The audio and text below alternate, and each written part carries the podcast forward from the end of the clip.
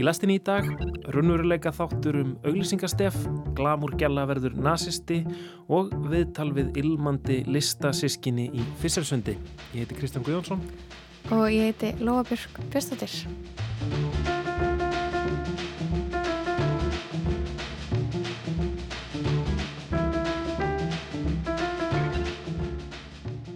Já, við ætlum að nota hennan mánudag í að fara svolítið yfir menninganislu helgarinnar.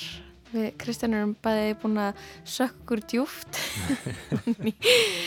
og ný, uh, já, ég, ég er búin að vera að horfa á, á sjómarsþátt. Kristján, hvað erst þú búin að vera að gera?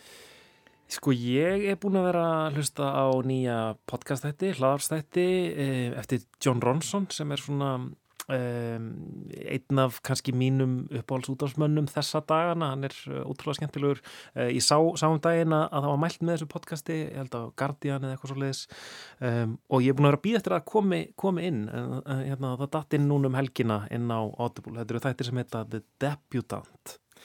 Og þetta er eiginlega ég held að kannski við gætum kallað þetta eitthvað svona true crime, svona sönn-sagamál þættir sem er almennt uh, tegund af uh, hláðarstáttum sem ég er ekki mikið að hlusta á og, og tengi lítið við. En hérna ég data aðeins inn í þessa þætti um, að hluta til að því að John Ronson þessi er frábær sögumæður en bara í örstuðumáli þá e, getur við sagt að um, þetta fjalli um glamurgellu úr efstu lögum samfélagsins í Tulsa í Oklahoma sem verður nazisti, ung myndaleg kona um, en verður síðan uppljóstrari og er mögulega með alveg rosalegar upplýsingar um, um hérna hriðiverkin í Oklahoma þar sem að uh, Timothy McVeigh sprengdi upp uh, ríkisbyggingu eða svona skrifstofbyggingu þar sem að mikið ríkistofnum voru og bara hátt í 200 manns letut sem að var sko, stæsta hriðiverki í Ameríku til 11. september 2001 Vá, þetta hljómar eiginlega bara mjög spennandi Þetta, já, þetta, þetta er spennandi, ég skal mm -hmm. segja betur frá þessu eftir mm -hmm. en hvað hva, hva er þú verið að Já, mitt, sko, með, já, meðan ég beði eftir nýjum Succession, nýjum þetta afturöldingu þá... Uh, já, mikið að gera svona sunnundarskvöldum núna. Já, maður er bara að býða eftir mm -hmm. þáttum. Um, já, þá horfið ég á, á nýja þætti sem er að finna inn á vísi.is um, þættir sem að heita Skúrin. Það okay. er, er margt mjög sérstátt við þessu þætti. Þeir eru, bara, þeir eru svona frekar stuttir, svona 6-7 mínútur að lengt. Þetta er hæfileika keppni þar sem tónlistafólk sendir inn frumsamin lög og nýja útgáfu af SS-pilsulæginu. SS-læginu? Já, þessi okay. hennalægi.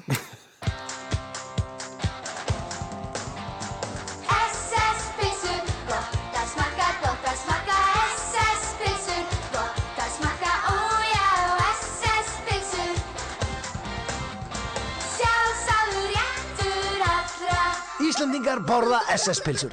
SS, fremstir, fyrir bræðið. Mm -hmm. Þessu lagi. Þekkja, allir þetta lag. Þetta er auðvitað frekar íkonist lag, sko. Mér langar líka bara að skjóta það inn að já, ég náði þetta lag á YouTube. Það, það er með 11.000 áhorf. Já. mm -hmm. mm. Það er 11.000 sinnum eitthvað ákveðið að hlusta á SS-pilsur stefi af ykkur ástæði. -hmm. Um, Já, sko, þessi þættir, þeir snúast um þetta lag eða nýjar útgáfur af því og já, ég veit ekki, af hverju ekki að gera raunveruleika þætti um pilsulag?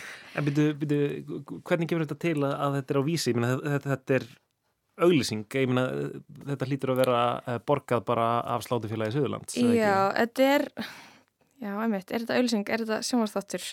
Ég fór eitthvað að skoða það, sko, það er, held ég, auglýsingastofa eða framlýslfyrirtæki sem mm -hmm. framleiði þættina kalla sig Kraumar. Ég hef ekki heyrt um þetta fyrirtæki áður. Héttu áður Árnasinnir. Um, og ég fann ekkert sérstaklega mikið um þá inn á, á síðun eðra uh, en þessi setning er á síðun eðra í svona um okkur flipa. Það eru til ótal sögur sögur sem þurfa að lifna við.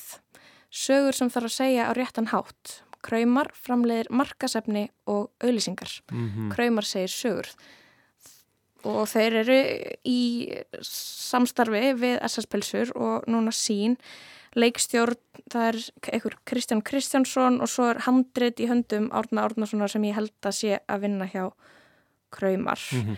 Þa- Þannig að þetta er um, svona sama og við höfum rætt kannski svona nokkuð ítrekkaðið í lestinni eh, sem að er sérstætt áhugamál þitt sem er svona samkrull hérna auglýsinga efnis og bara hérna skemmti efnis Jú, þetta er áhuga málum er branded entertainment eins og, eins og það er kallað á ennsku Mhm, voru við komið með eitthvað íslensk nafni eða? Nei, kosta skemmtefni, markað afþreyingarefni. Já, Við eitthvað að vinna með þetta. sem er eitthvað sem er orðið rosalega áberandi núna í, á internetinu þegar fólk er bara komið með hérna, alls konar uh, upp til þess að uh, koma í veg fyrir að það fái auglýsingar og þá er farið að lauma auglýsingunum inn í efnið okkar einhvern veginn. Akkurat. Man sér 66 gráður norður er að framleiða efni þar sem að er að reyna að búa til mjög flott svona mannlífs efni en alltaf er auglýsingin hluti af efninu einhvern veginn. Algjörlega. En já, afsaki, ég ætla ekki að taka, taka þér orðið.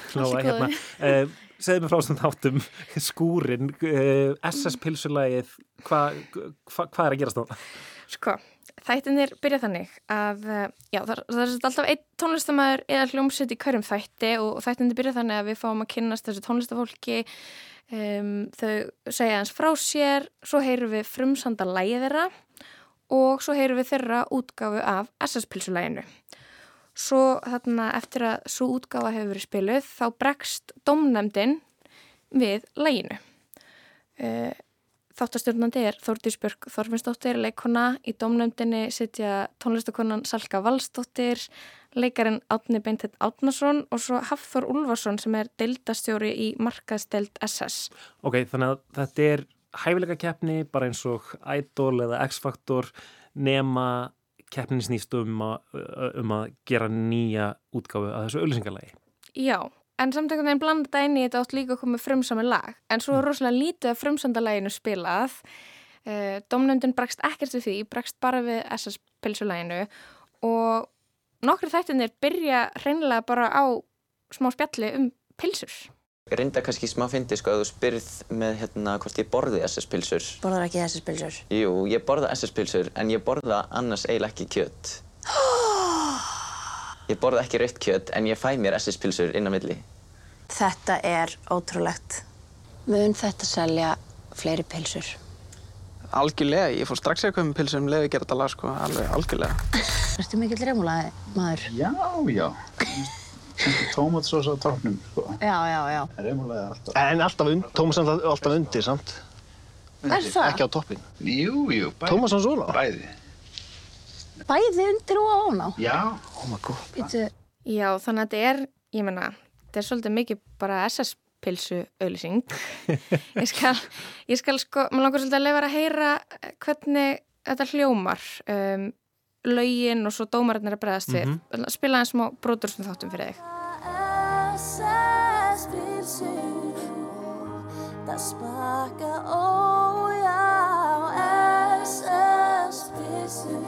Sjálfsagður réttur allra Við fáum þarna svona skemmtilega innlega útgáfa af SS-pilsulæginu. Hún er svona ómstríð og talar einhvern veginn svona svolítið inn í hjartamanns. Ég held sko að þetta sé útgáfa af læginu sem að ég myndi vilja gera kröfum er þið spiluð í, í jarðaförunni minni. hugljúf útgáfa að þessu lagi. Maður eiginlega vissi ekki að það vera hægt að gera þetta lag svona þægilegt og hugljúft og það er mjög bara þakklátt að fá svona hérna, tilbúð inn í þessa keppni. Þetta er fallegt lag. Það, það er greinilegt. Maður, svona, maður sér þetta svolítið fyrir sér sem hátíðar útgáfa af, af SS pilsulæginu og, og auglýsingu.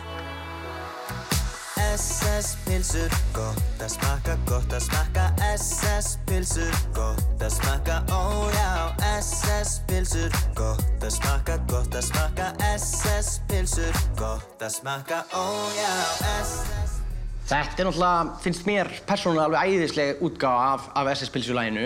Uh, þetta er svona, maður skrúar niður rúðuna á bílnum sínum þegar þetta er í gangi. Gægt, veist, þessi útsetning mjög næs. Hún er svo svona, hún fer, leikur sér með að fara úr því að vera svona stór og dreymandi, verður svona þéttara og það er bara eins og að manneskja sem pródúsera lagið hafi mikið vald á því formi. Það er bara einhvern veginn svona make a sense strax sko. Já.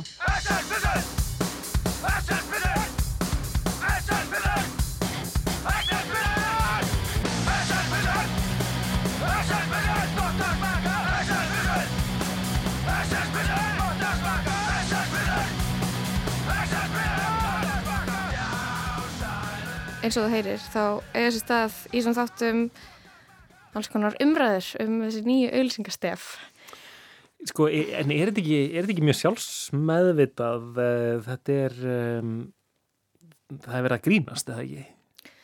Já, ummitt. Er, er verið að grínast? Ég hreinlega átta mikið á því út af því að uh, mér finnst þetta skemmtilegt en ég veit ekki hvort mér finnst þetta skemmtilegt á hátt sem þetta átti að vera skemmtilegt Okay. en ég menna þá erum við svona komin á okkur stað sem er bara, ég menna ef þetta er skemmtilegt þá gengur þetta upp. Allt sem, allt afþreyingarefni sem veitir afþreyingu hefur þá einhvern veginn hefnast Einmitt, um, Já, en sko mér er svo, það er svo margi punktar aðna sem er einhvern veginn uh, forvitnilegir sko, því að, ok, eins og sagðir á hann þá, þá tókum við hérna sensta sumar gerðum allavega einn næstu því heilan þátt um branded entertainment og þá vorum við aðeins að skoða sérstaklega framlýslu fyrirtækið, Ketchup Creative og svona þættinu sem þau hafa gert Mhm. uh, líka fyrir vísi og þarna branded entertainment þetta, þessi pæling að kostuð afþreying hvort þetta horfa auðlýsingu eða hvort þetta horfa á sjónvastátt, þú veist það ekki þetta er einhvern veginn bæði á sama tíma Mhm. en uh, við vorum líka veltaði fyrir okkur ef eitthvað er orðið auðlýsing er það þá ekki hægt að vera sjónvastáttur hvernig geta þessi hlutir verið í einum pakka um, ég var að skoða þessi viðtal við um, þarna, stopn, ein, annan stopnanda Ketchup Creative frá því í septemberi fyrra sem var í viðskiptablaðinu og þá segir hann Brandend Entertainment hefur verið þýtt á íslensku sem mörkuð afþreying og er það hugmyndafræðin sem við vinnum eftir við gerð okkar auðlýsingaefnis. Það er markmið að framleiða efni sem áhörundur horfa á að eigin frumkvæði en eru ekki neittir til þess. Um, mér finnst svo áhugavert að pæla í þessu í samhengi við skúrin. Þetta er inn á vísi, þetta er ekki, e- e- en, en þetta er reyndar í, sko, til þess að finna þess að þætti, þá getur þú ítt á fleipa, svona sem merkir, svona eins og Mhm. svona hva, takk eða eitthvað Já. þannig, sem heitir samstarf. Ok. Og þar er að finna, sko, Þannig að það er alveg á hreinu að þetta sé uh, hérna, þetta er ekki vísir sem er að framleiða þetta sem fjölmiðill heldur sem, já, auglýsingarhluti vísis er einhvern veginn. já, það er það sem er svolítið svona aul, óljóst. Já. út af því að mér finnst það blasa við þegar maður séðan ítir á fleipan samstarf þar koma skiluru uh, aðra klippur það kemur, það er að finna sko auðlýsingu fyrir nýjan luxusæl í kringlunni uh, klippur og þættina kökukast sem eru sjómanstættir en greinlega líka eitthvað samstarf uh, það er auðlýsing fyrir heilsukotta rafdrifin hægindastól það eru bara svona venjulegar alls konar auðlýsingar hana og svo þessir þættir Mhm. En svo þegar þú sér eitthvað neinn kynningarefnið um þetta á netinu þá er aldrei, eða þú veist, jú það er kannski eitthvað svona takk eða flipi neðst neyri sem segir eitthvað samstarf Já. En það er, það er sagt sjómanstáttur, það er ekki sagt auglýsing, það er ný Mhm. auglýsing að koma út en þetta er eitthvað auglýsingaherferð og þarna og mér finnst svo áhugavert að pæla í þessu samkrulli þegar ég fór eitthvað að reyna að, að taka í sundur alla hlutana í þessu í þessari mynd. Þá erum við sko með við erum með SS-pilsur uh, Sláturfélag Suðurlands það er fyrirtæki sem vil auglýsa vöruna sína gera það á okkur góðan hátt. Svo erum við með Kraum framleiðslu fyrirtæki sem býr til efni eða segir sögur eins og þeir segja á síðan sinni bara auglýsingastofu Mhm. Eh, Segir sögur um pylsur. Já, segir sögur um pilsur. og svo erum við fjölmjölufyrirtæki sín sem vil hafa eitthvað efni á bóstólnum og, og líka fá okkur tekjur fyrir efni sitt. Fyrir vissulega með eitthvað svona í áskriftarleið en hvað ætla að bjóða upp á fyrir fólk sem er ekki áskrifundur. Mhm. Geta það gert það okkur hátt þar sem að þau geta fengið tekjur fyrir. Um, Já, og, svo, að- og svo Mhm. eitthvað, erum við líka með tónlistafólk sem vil koma sér á framfæri. Það er, það er vissulega er Sprite Zero Clan að taka þátt í keppninni en að öðru leiti er þetta bara óþekkt Já, ungt, ungt og ungt tónlistafólk Já, sem að ákveður að taka þátt uh, getur færi ykkur vegleg verðlun og exposure fæ, Mhm. kem, kemur sér á framfæri. Já, fyrir sig. Og, um, og eitthvað svona vettfangur fyrir þau til þess að koma fram.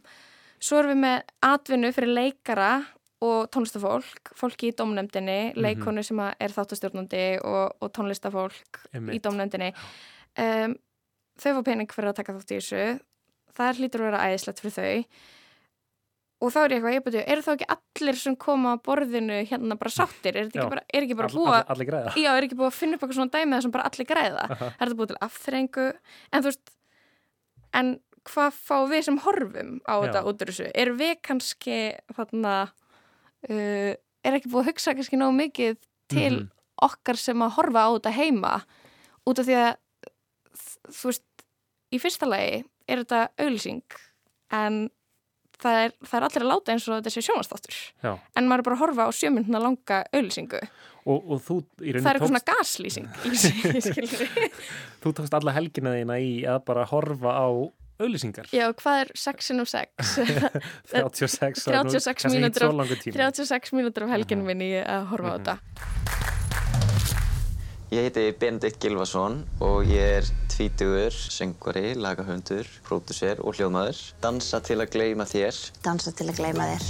Ætla að dansa, dansa Frá mér vitið Ætla að dansa, dansa Allt og mikið En ég ekki sofa rótt Ég dansa en sko var þetta skemmtilegt efni og, og hefur hugmynd um hvort að það sé einhver að horfa á þetta? Eh, sko af þeim sko klippum sem þú ert búin að spila einhvern veginn fólk að spjalla saman um SS-pulsur það, það hljómar ekkert mjög spennandi fyrir mig. Mm en er þetta gott efni? um, mm, Já, góð spurning. Uh, Þetta er eiginlega bara ógeðslega fyndið. Mm En er það ekki þá bara pælingin? Jú, það hlýtur að vera. En ég man sko þegar ég sá þetta fyrst auglýst þegar var að vera auglýst eftir þáttakendum í þessa keppni þá var ég eitthvað svona, var eitthvað að rugglast. Þetta var svona eins og eitthvað hefði þú veist, þá verið að sjóða saman of mörg element í e Mhm. eitthvað eitt. Þú veist, Mhm. ég, ég skildi ekki af hverju er ekki bara uh, verið að byggja um nýtt stef fyrir SS-pilsur uh, eða af hverju er ekki bara verið að byggja, um nýtt cool frumsami lag. Mhm. af hverju þarf þetta að vera á sama tíma þegar augljóslega er öllum sama um frumsanda lægið það er bara, það er svo augljóst. Já. hvað ætlaðu þau síðan að gefa það út og gera eitthvað plötusamning við þau eða skilur, hvað er planið? Mhm. um, en þetta er eitthvað svona á eitthvað skrítinhátt uh, er, þetta, er þetta skemmtilegir þættir? Svona partur af mér sem sko finnst þetta varhugaverð þróun hérna, að uh, auðlýsingastofur framleiði afturrengrefni og menningu. Af því að mér, mér finnst það varhugaverð þróun þá svona einhvern veginn hefði, hefði ég frekar vilja sjá þetta bara floppa alveg og vera lélegt skiluru en þetta er alveg bara frekar fyndið um, sko. Við náttúrulega tölum líka aðeins um hérna í haust um auðlýsingastef Já. og þau eru náttúrulega bara svona algjörst fyrirbæri út af fyrir sig. Það minna kunna allir þetta SS-pilsulag og vorum að tala um þetta út, út af því að, að Alda Music veittu Allandsóli gullplötu fyrir þarna lægi Ég er að lappa, lappa, lappa lægið og það er þannig séð ef maður er bara ókslega jákvæður og ekki reyna að e, mála skrattan á veggin og sjá e, það versta í öllu þá er það bara ókslega mikil stuð pæling en mér finnst það kannski svolítið kannski líka svolítið svona leðlegt sko gagvart tónlistafólkinu Já, sem, svona þeirra vinnu einhvern Já. veginn Meinar þessu unga tónlistafólki sem er að koma þarna fram í fyrst skipti einhvern veginn Uh, já, út því ég er ekki alveg vissum að það sé einhvern veginn tækifærið sem myndir auglist sem. Þau Já. eru bara einhverjir leikarar í auglisingu Mhm. og ég meina höfundaverki þeirra, ég meina hvað, hvað segir þetta okkur um svona skoðanur okkar á tónlistaframleyslu? Það er Mhm. eitthvað svona, sendu lag en sendu líka auglisingalag út af því að, mm, e, Einmitt, skilur hvað við? er, það, það er svona á einhvern hátt uh, er verið að, að leggja jöfnu bara einhvern veginn framleiðslu auðlýsingastefs við, við einhvern veginn uh, frum sköpun uh, sem er einungis alluð í þeim tilgangi að, að, að vekja upp einhvern veginn uh, Svengd í pilsur. já, já. Já, nefnilega. Það er kannski það sem mér finnst svona smá skrítið. En, þú veist, ég menna, kannski var, er ykkur bara búin að finna upp hérna bara fullkomna auðlýsingu. Við þurfum bara að spurja leikslókum, sjá hverja sölutölur SS-pilsu og SS-pilsum verða hérna, í lok þessa ársfjörðungs. Mhm. um, fyrsta umferð af þessum þáttum uh, er búin og í næstu umferð þá fáum við að heyra loka útgáfuna af þessum stefum ég veit ekki hvað, það er, það er ekki búið að segja neitt hvað verður um þessu frumsöndu lög og við erum ekki búin að heyra skoðanin eins á þeim Já. og spila bara eitthvað 20 sekundar brot úr þeim um, svo í lokin þá hefur við hérna, áhrendur heim í stofu að kjósa velja okkar uppáhalds SS-pilsulag Ertu búin að ákveða? Er, ertu með hérna einlægu uh, hugljófu útgáfun? Já, ég er með jarðafara útgáfun ég er með hátíðar útgáfunni eða punk útgáfunni, ég veit það ekki um, Einmitt, punk útgáfa Já, þetta var, uh, Þetta var- Men, menningarneisla eða auðlýsingarneisla mín þessa helgina, Kristján. Mjög aðteklisverst Já. e, Áður við höldum lengra eigum við þá ekki bara að um, já, spila smá nýja íslenska tónlist um, tónlist sem kemur ekki fyrir í SS-pulsu þáttanum Skúrin á vísi. Um, Já, skulum hlýða á nýtt íslenskt. Hún er staðin að rasa Ég þarf hann strax Hún er staðin að rasa Ég þarf hann strax Og mér stakk þar að höst, höst, höst, höst, höst, höst, höst, höst, höst Stóri búkar eitt kapp, kapp, kapp, kapp, kapp, kapp, kapp, kapp, kapp, kapp, kapp, kapp Ég veit hún er freak, hún er að sína Hún vil fá mig aftur, ég er að fíla Ég leitt hann að syngja eins og Rihanna Svartar og sveist ekki inn í bílana Foka tólf, ég þið gera ekkert betur Ungi strákar voru brók, svo þess þurfti að stila Ég rúti um allt, veit hann ekkert hvað ég á að vera Bitches kom að fara mín, ég verða hérna Egið downtown, önnu helgi annars sjó Ég er að hlaupa eftir meira því að ég fæ aldrei nóg Þríti brenda tól, var að up sjó Hún vil fá mig aftur því að hún fær ekki nóg Hún er staðin að röss, röss, röss, röss, röss, röss Ég þarf hann strax, strax, strax,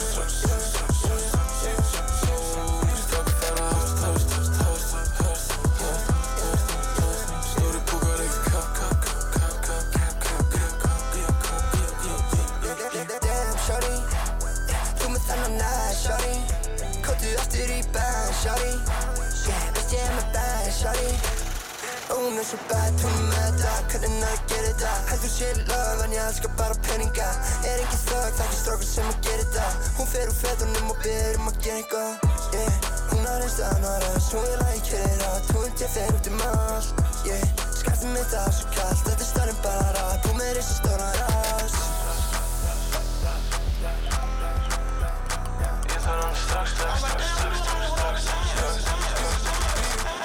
Hún er staðin að röss, röss, röss, röss, röss, röss, röss Ég þarf hann strax, strax, strax, strax, strax, strax, strax, strax Mér stakk þar að höst, höst, höst, höst, höst, höst, höst, höst Stóri búkar eitt kapp, kapp, kapp, kapp, kapp, kapp, kapp, kapp, kapp Ég er alltaf á mínu eigin tíma til að sofa hér Þú vilt ekki staður í fyllist, ekki bjóða mig. Viljur ég með fjóra hér, tóttir hún að bjóða mig Hún með stórum, ég með póka niður stóra mig Hún með hann aðrast með þetta bak Hún með p-power, heldur myndi gera allt.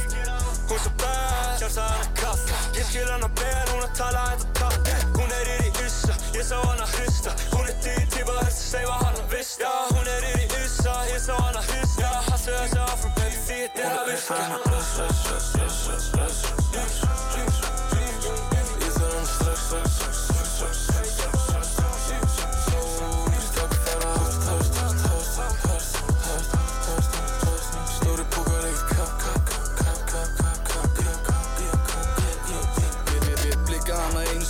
ég þarf ekki kynna mig. Hún vill benga strax, segist ekki vilja kynnast fyrst. Superfly, gæla svo, matchar alveg fytti mitt Það þykir ekki frít, ég læt hana leggja inn á mér á mér Hún er takandi skvatt, hún tekur max. Einu story, hún er að rass, hún sendur snapp Ég þurft að banda herbyggja grandu fyrir um hart.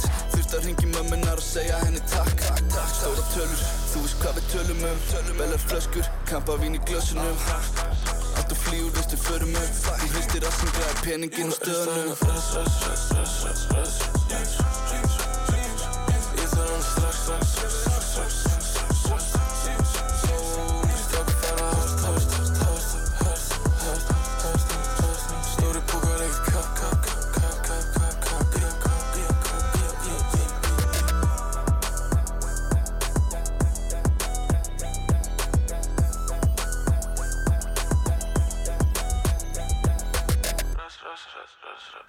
Læðið Rass Sæfer með uh, já, fjölda listamanna. Það er Íslefur, Daníl, Issi og Jóníko Drippin sem eru saman á, á þessu lagi að rappa um, um rassa. Ég vekka vel þetta lag. Þetta er, er glænýtt Íslands lag frá því í senstu viku. Alltaf gaman að fá nýtt rapp. Já, rapp er ekki dött. En uh, við ætlum að snú okkur að öðru. Þórður Ingi Jónsson hefur verið að kynna sér um, já, íslenska listakollektífið Ilmsistkinin í Fissersundi. Fissersund er fjölskyldur ekið ylvatsfyrirtæki og listahópur sem samanstendur af sistkinnunum Lilju Birgisdóttur, Jóni Þóri Birgisinni, betur þekktum sem Jónsa í Sigurós, Ingi Björgur Birgisdóttur og Sigurósu Birgisdóttur á samt eiginmennum þeirra síðastnemdi, Sindra Má Sigfúsinni eða Sinn Fang og Kjartani Holm. Við heyrðum í Lilju, Sindra og Jónsa til að spyrja þau nánar út í þetta samstarf, en Lilja á orðið fyrst. Já, við fjölskyldan og makar spönnum breytt svið saman. Myndlist, tónlist, ilmgerð, ljósmyndun, játsmíði, vídeolist og það var alltaf draumar hjá okkur að gera eitthvað saman, einhvern veginn að nýta alltaf þessa reynslu og áhuga og, og hérna og það var svona grína að alltaf þegar vorum einhvern veginn að, í fjölskyldum mat og fá okkur svona rauðvín og þá vorum við alltaf bara oh my god það var svo geðveikt einhvern veginn búið til eitthvað plattform einhvern veginn fyrir þetta allt og, og hérna um, og svo sko þegar Jónsi flutti til LA hann semst átti sitt svona private studio í Fessisundi 3 og þegar hann flutti út þá var það húsnaði laust og þá var náttúrulega alveg bara príma hugmynd að hérna láta, láta drauminn bara verða veruleika og við semst opnum búð með, með einu ylvatni myndlist á veggjanum tónlist og já, þetta var ótrúlega skemmtilegt. Og bara allir komu, komu að þessu bara að pappi að smíða og gera og græja og mammi, mamma andlega stuðningur og já, það var ótrúlega gaman. Sindri Már Sigfússon eða Sin Fang.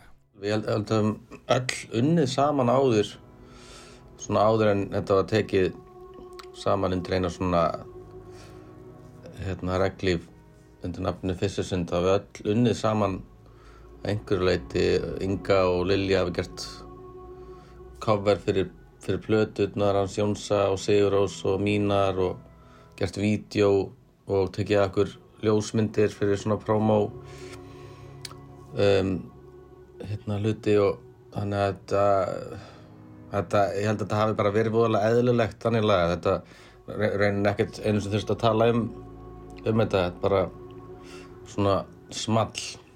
Þetta kom eða svona til að því að um, það var svo ávert að því Jónsi er náttúrulega búin að vera svo lengi hérna í ylngjar það komið held í 11 ára eitthvað. Og, og hann svona kom ykkur upp á bræðið og þegar við byrjuðum að stúdjara að stúdjara ilmi og ilmóljur og þefskinnið bara þá einhvern veginn kom það okkur daldi svona ofna sköldu bara vá hvað það er. Ótrúlega magnað. Og komist við að því að veist, þetta er elsta skinnfarð okkar og það beintengt minningum okkur og tilfinningum.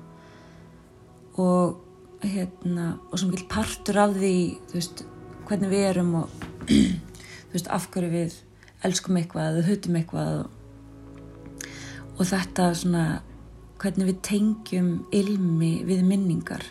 Að þegar þú finnur einhverja lykt þá getur maður bara verið bara forfið eftir í tíman í eitthvað moment hérna sem átt sér stað.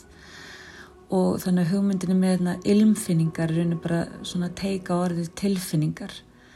Að, að hérna að ilmir og lyktir reyfa við okkur. Einn ilmurinn okkar sem heitir nummer 8 er innblásun af æskuminningum okkar á alast upp í Mósesveit og ég sé Mósesveit að þetta var í kringum 1980 þegar mamma og pappi fluttu sagt, upp í hérna, Reykjavíð bara hérna, já, Reykjum alveg upp í fjöllin og það var hérna bara gardirkju bondi og, og, og, og hænsnabú og það var svona daldi hérna uh, þetta var bara svona mikið af ungum fjölskyldum að byggja sitt fyrsta hús og, og hann, sem sagt pappi og bróður hans byggðu hús hlið hlið og, og hérna það var mikið líf og fjör hérna og hérna já, þetta er bara svona alls konar minningar svona tengdum ilmum. Og hérna ég, ég lesi hérna ilmljóði fyrir ykkur við ætla að finna það.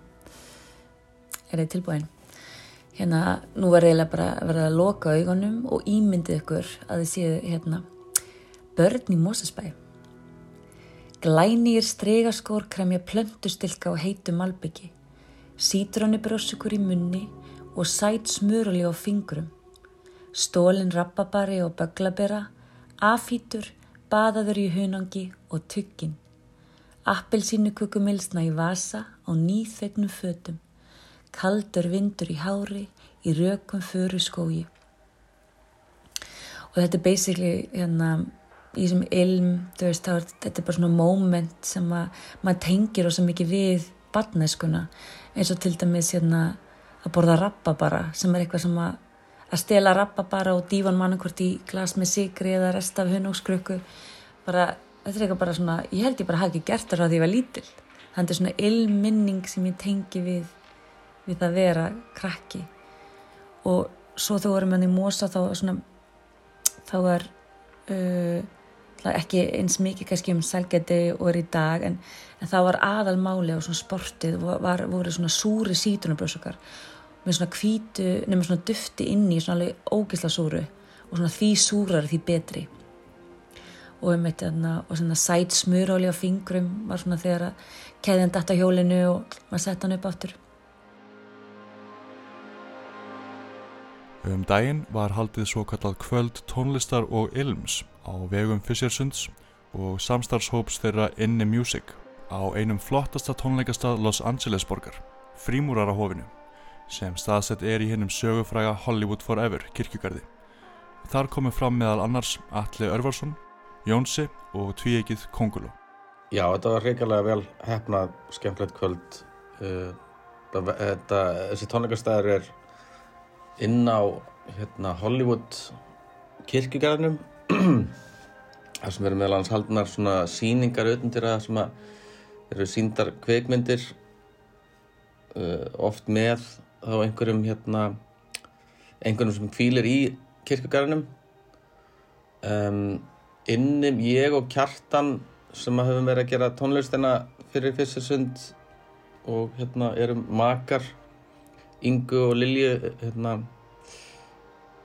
höfum verið að vinna með Inni Music hérna, erum hérna í, í, í húsi hérna, stúdíóhúsi sem er í þeirra eigu og þeir eru með svona publishing fyrirtæki á Íslandi. Þannig að það var einhvern veginn bara eðlegast að að gera þetta með þeim og hérna við vorum öll þetta er svona, svona hálfgerði vinahópur sem var að spila þarna á þessu kvöldi Þá var Jónsi að opna síninguna Flóð í Norrænasafninu í Seattle en hann er búsettur í bandreikunum. Uh, ég var að halda síningu núna í Norrænasafninu í Seattle þar sem ég var með svona hljóð og lyktar og ljósar innsetningu í safninu hjá þeim og þetta er hvað byggt á 25 minúta löngu hljóðverki fyrir hvað 40 hátalara og er svona í svona halgerðum miklu víðáma samhengi þar sem rattir og sjóhljóð og óhljóð eru að berjast á milli hátalara þetta heitir flóð og þýður önsku The Big Wave og ég var svona að leika mig við það, það, það að þetta væri svona þegar stóra tsunami aldan kæmi og tæki yfir og dræpi okkur öll og það væri heimsendur uh, Já, ég er búin að búa í LA núna hvað komum fjögur ár svona samfleitt var reyna yfir COVID og það var bara svolítið næs verið í hitanum staðan fyrir gráa þunglindi heima en maður saknar fjölskyldunar og og vinnana og svoleiðis auðvitað. Líka en maður fær ágætis svona space hérna úti til þess að hugsa og framkvæma hluti. Uh, Já, við Sigurós vorum að klára plötu núna sem kemur vonandi út hvað í byrjun eða loksumars, veit ekki alveg en já, það er svona það er mesta sem ég verið að bauka í tónlistinu núna og ásamt þessum listasýningu líka verið að gera tónlist fyrir það líka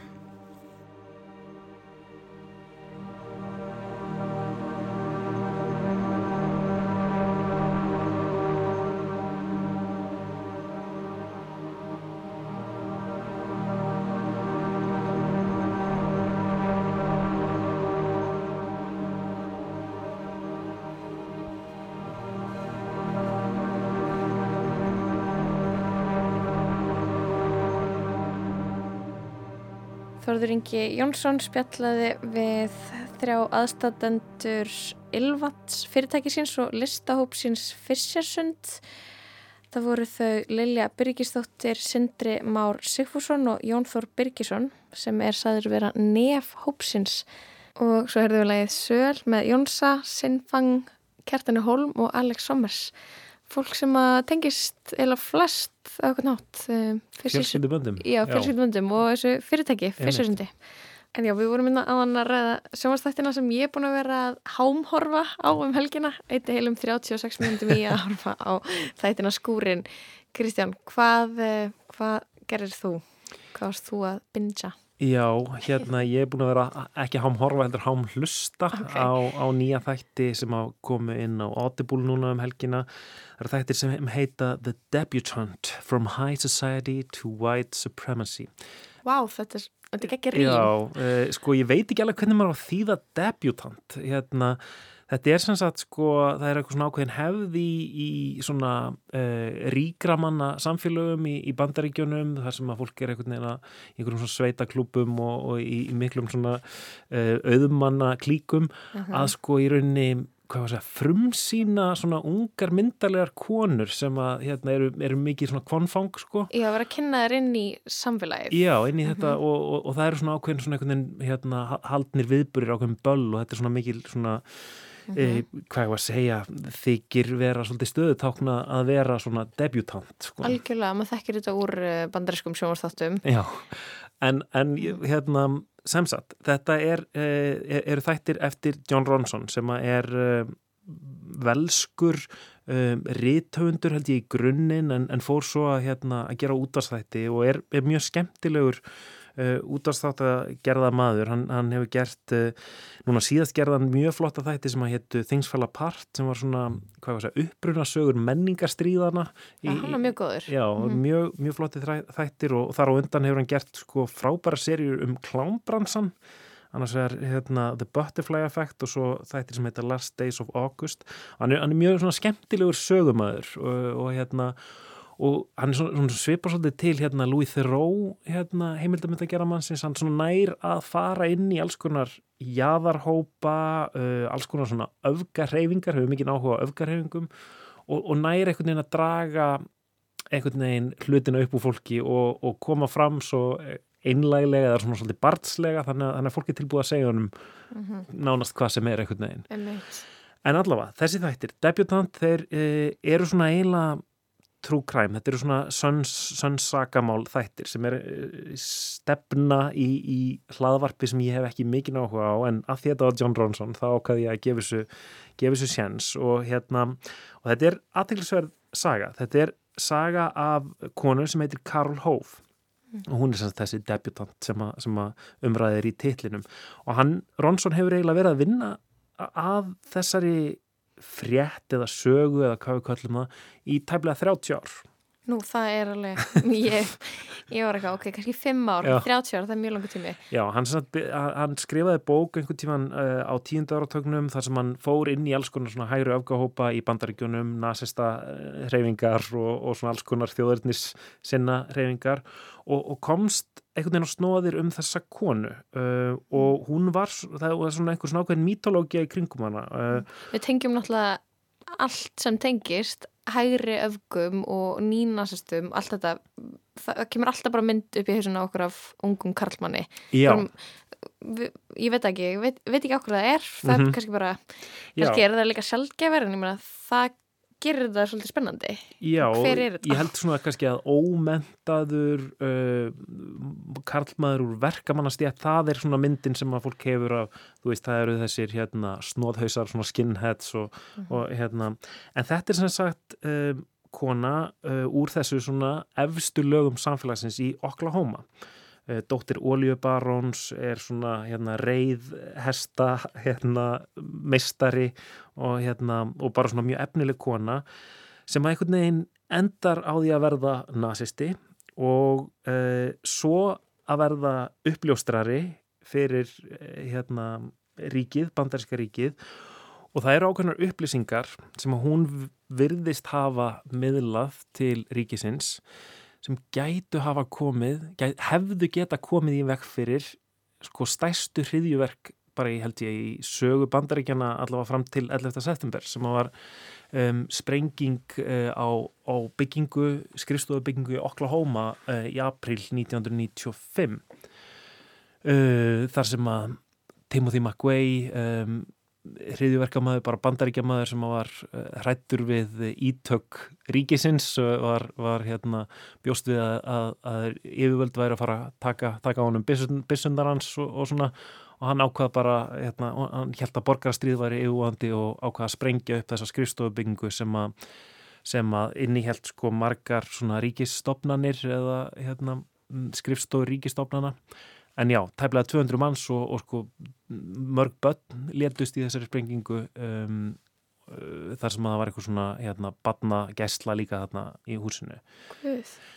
En hvað um það? Sem sagt, þannig að við erum með þessa konu og, og, og þetta er svona, það er þetta eiginlega tvöföld saga, annars vegar saga þessarar eh, ríku, ungu, myndalegu sætu konu og hvernig hún fór uh, í það að verða uh, nínasisti og svo uppljóstrari og svo hins vegar er það spurningin um, e, var hún að gefa yfirvöldum einhverju upplýsingar sem að skiptu máli og, og af hverju þá gerðu yfirvöld ekkert í málinu Mm þannig að þetta er svona, Eða svona var hann að leika tveim skjöldum einmitt, sem hann var kannski að gera. En á all, var hann að leika á kannski á mörgum skjöldum Já, ok, einmitt.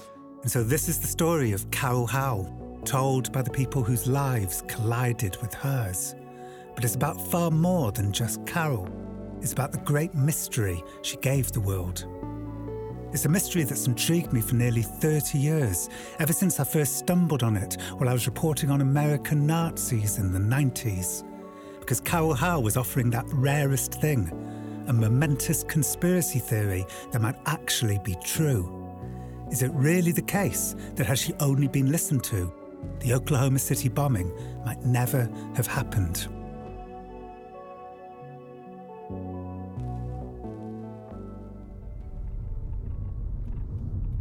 And so I'm driving to where her story begins, the Tulsa debutante scene of the late 1980s.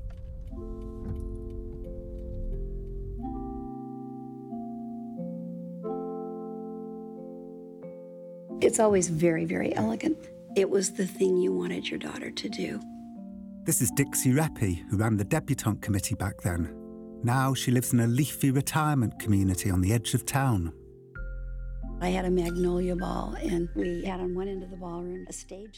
Þannig að þetta byrja þarna einhvern veginn í efstu lögum Oklahoma samfélagsins um, og svo þessi unga myndarlega kona, hún svona, já, fer svolítið finna leiða því að hún, hún byrjar að hlusta á svona goth tónlist og hérna verður, verður mjög upptekinn af hljónstinni Throbbing Gristle sem er mjög flott svona industrial tilruna tónlist uh, og svo hljónstin Psychic TV og hún eiginlega endar í eitthvað svona hálgerðu svona, svona samfélagi sko Psychic TV aðdóenda um, sem, sem er svona hálfgert köld á einhvern hátt. Um, og Psychic TV er önnur svona hérna uh, svona industrial tilrauna hljómsveit sem er með sama, sama hérna uh, leiðtoga á Throbbing Gristle. Um, en, en það er oft svona í því sem að Psychic TV er að gera er svona leikur af svona fasísku myndmáli Já, og kannski skemmtileg uh, tilviljun uh, að Hilmar Örn Hilmarsson allsherjagóði var í Psychic, Psychic TV á, á tímabili. Um, og hann var náttúrulega líka í þeir sem að á svona eitt um, þekktasta íslenska tónlistamindband sögunar þar sem að þeisararnir eru í nasista búningum að, hérna, að, að marsera fyrir framann bestastæði en allavega Tenging til Íslands. Tenging til Íslands, uh, þetta kemur ekki fram í þáttunum þetta er auka, mhm. en þessi Karol hún hérna fer bara einhvern veginn alla leið í að sko hún miskilur einhvern veginn kannski kaltæðina í þessu fasiska myndmáli. Mhm, Það var að ádela, ekki Já. eitthvað til þess að lifa eftir. Þannig að hún húðflurur á sig stórt stóran hakakross Nei, ekki.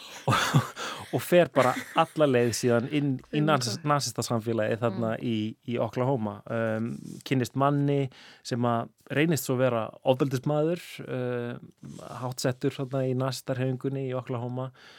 Og þá hérna, hún fær hann á nálgunabann og þá einhvern veginn uh, fæ, fá yfirvöldana til þess að uh, til þess að gerast uppljóstrari. You've been watched by our people the last three weeks. And a few things have come up pretty bad. Now, your vehicle's been spotted next to the federal building in the police station three times in the last six weeks. Okay? What were you doing there, Carol? Hmm? You've gone to the cops twice about me. Og restraining þannig að hún er svona mjög innvinklu í þessa reyfingu um, býr á tímabili í svona einhverju samfélagi þarna upp í fjöllunum sem heitir Eloham City. Og sem sagt samsæriskenningarna snúast um það að Timothy McVeigh sem átti síðar eftir að sprengja þessa sprengju í, í Oklahoma borg uh, hann hafi verið tengdur inn í þetta samfélag. Og þar að leiðandi hafa hann ekki verið einn af verki heldur hafi fleiri uh, unnið þetta samsæri sko sem, að, sem fólst í sprenginu og það, þar að leiðandi var einhverju sem að gengju lausir. Mm, Þannig að, þannig að John Ronson fer í þennan, þennan leiðangur uh, sem hann í rauninni byrjaði fyrir 30 árum, hefur aldrei gert neitt með þetta en er að spila meðal annars viðtöl sem hann tóku í fólk fyrir 30 árum og tekur jáfnvel viðtöl aftur við, við, við sama fólk setna. Og heyrum maður í þessari Carol Við heyrum örlítið í henni en það er aðalega úr um, dómsmáli sem hún sem sagt setna var hún ákærð fyrir um, hvað ég var að segja, tilraun til skipulagningu hriðverka það var eftir hún var sem sagt hægt að vera uppljóstarari og, um, og varð aftur nazisti en hún held í fram að hún hafi í rauninni bara verið uppljóstrari allan tíman uh, og hafi verið svona að- blekja aðra í nasistarhefingunni um, með því að tala fjálglega um, um ofbeldisverk og, Já, og svo já, leiðis. reyna að sjá hvort það væri að kveikja í þeim Já. um, En er hún á lífi eða? Hún er á lífi, hún er búin að breyta um nafn þannig að það, það er greinilega mjög erfitt að ná í hana en, en John Ronson segir frá því að hann, hann hefur upp á henni, hann finnur hana uh, og, og kemst í samband við hana og býður henni að koma og taka þátt og það, það fær svona ágændis við bröð en svo allt í hennu bara hverfur hún og hann heyrir ekkert meir í henni og það er enda á svona eiginlega opnu bóðið til hennar að koma í viðtal og, og segja frá. As I watch the footage shot at Elohim City, it's clear that Carol is having a great time. She's flashing her swastika tattoo with pride. She's laughing. She's wielding her gun with power. She seems to finally have found where she belongs. And this is where Carol Howe is going on and on about how, you know, we've got to use violence in order to create an all white country. You know, it's the only way, and so on. I believe when all the other avenues have been exhausted, that we must turn to violence. So there she is with Dennis Mahon explicitly endorsing, you know, genocidal racial violence. Um, en, en þannig að hann er svona að reyna að komast að því hvort að það sé satt að hún hafi haft að einhverju upplýsingar uh, og miðlað upplýsingum til stjórnvalda um Timothy McVeigh áður en hriðjuverkið átt sér stað, uh, hvort að hún hafi miðlað upplýsingum um sannsagt, samsekt fólks í þessu uh, samfélagi, svona kr- kristna þjóðurnis samfélagi sem að þetta Eloham City uh, í fjallu, fjallaþorpi í Oklahoma uh, var. uh, þannig að hann er svona bara að, að grúska í þessu og ég hugsa kannski að ég segi nú ekki hver niðurstaðan er. Nei, einmitt, maður þarf að hlusta til þess að fá að vita það. Já, sko yfirleitt, það er svolítið svona trend í svona hl- hlaðvörpum eiginlega frá því að hérna, serial komu hérna út fyrir einhverjum áratug að svona skilja allt eftir opið í lausu lofti. En, en John Ronson segir að hann vildi vera með einhvers konar niðurstöðu. Hann Einmitt. vildi geta tekið afstöðu til sann, hva, hvað væri satt í þessu máli Já, við erum ekki að hlusta og það er alltaf eitthvað kannski kemur það í næsta þetta eða Mhm. næsta eða næsta og svo kemur það ekki við, við fáum svar eða einhvers konar svar, Ok, einhvers einhvers konar svar. svar. Mhm. en þetta er allavega það sem ég var að hlusta á á, á Audible um helgina um, ég myndi segja þetta sé nú ekki uppáhals John Ronson serían mín en kannski fyrir þá sem eru svona áhuga fólk um, um sönn sagamál og, og svona alls konar lítil smáadriði í einhverjum samsæriskenningum. Um, Það þetta er fyrir þau. Þetta er fyrir þau. Mm, en svo eru líka bara fullt af skrítnum, skemmtilegum karakterum sem að koma þarna og, og Hún hljóma náttúrulega mjög forvittileg þessi aðal manneskja. Já, Rík hvít gella með risa hakagross. Glamur gæla í nasista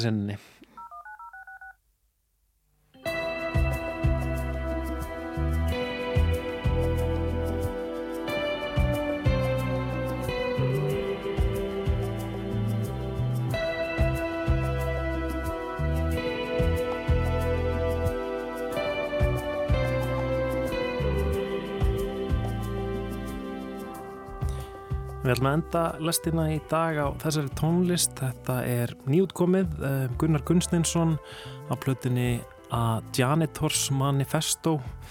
Eh, Manifesto húsvarðarins, þetta lag heitir á Speed Dial, eh, plata sem kom út í byrjun apríl hjá hollenska eða belgiska, ég maður ekki alveg útgáðu fyrirtækinu Futura Resistenza. Skemmtilegt. Já, við Kristján og Lóa þökkum fyrir samfélgina í dag. Varum minna aftur á morgun. Teknum í dag var Lítja Gretastóttir. Verið sæl.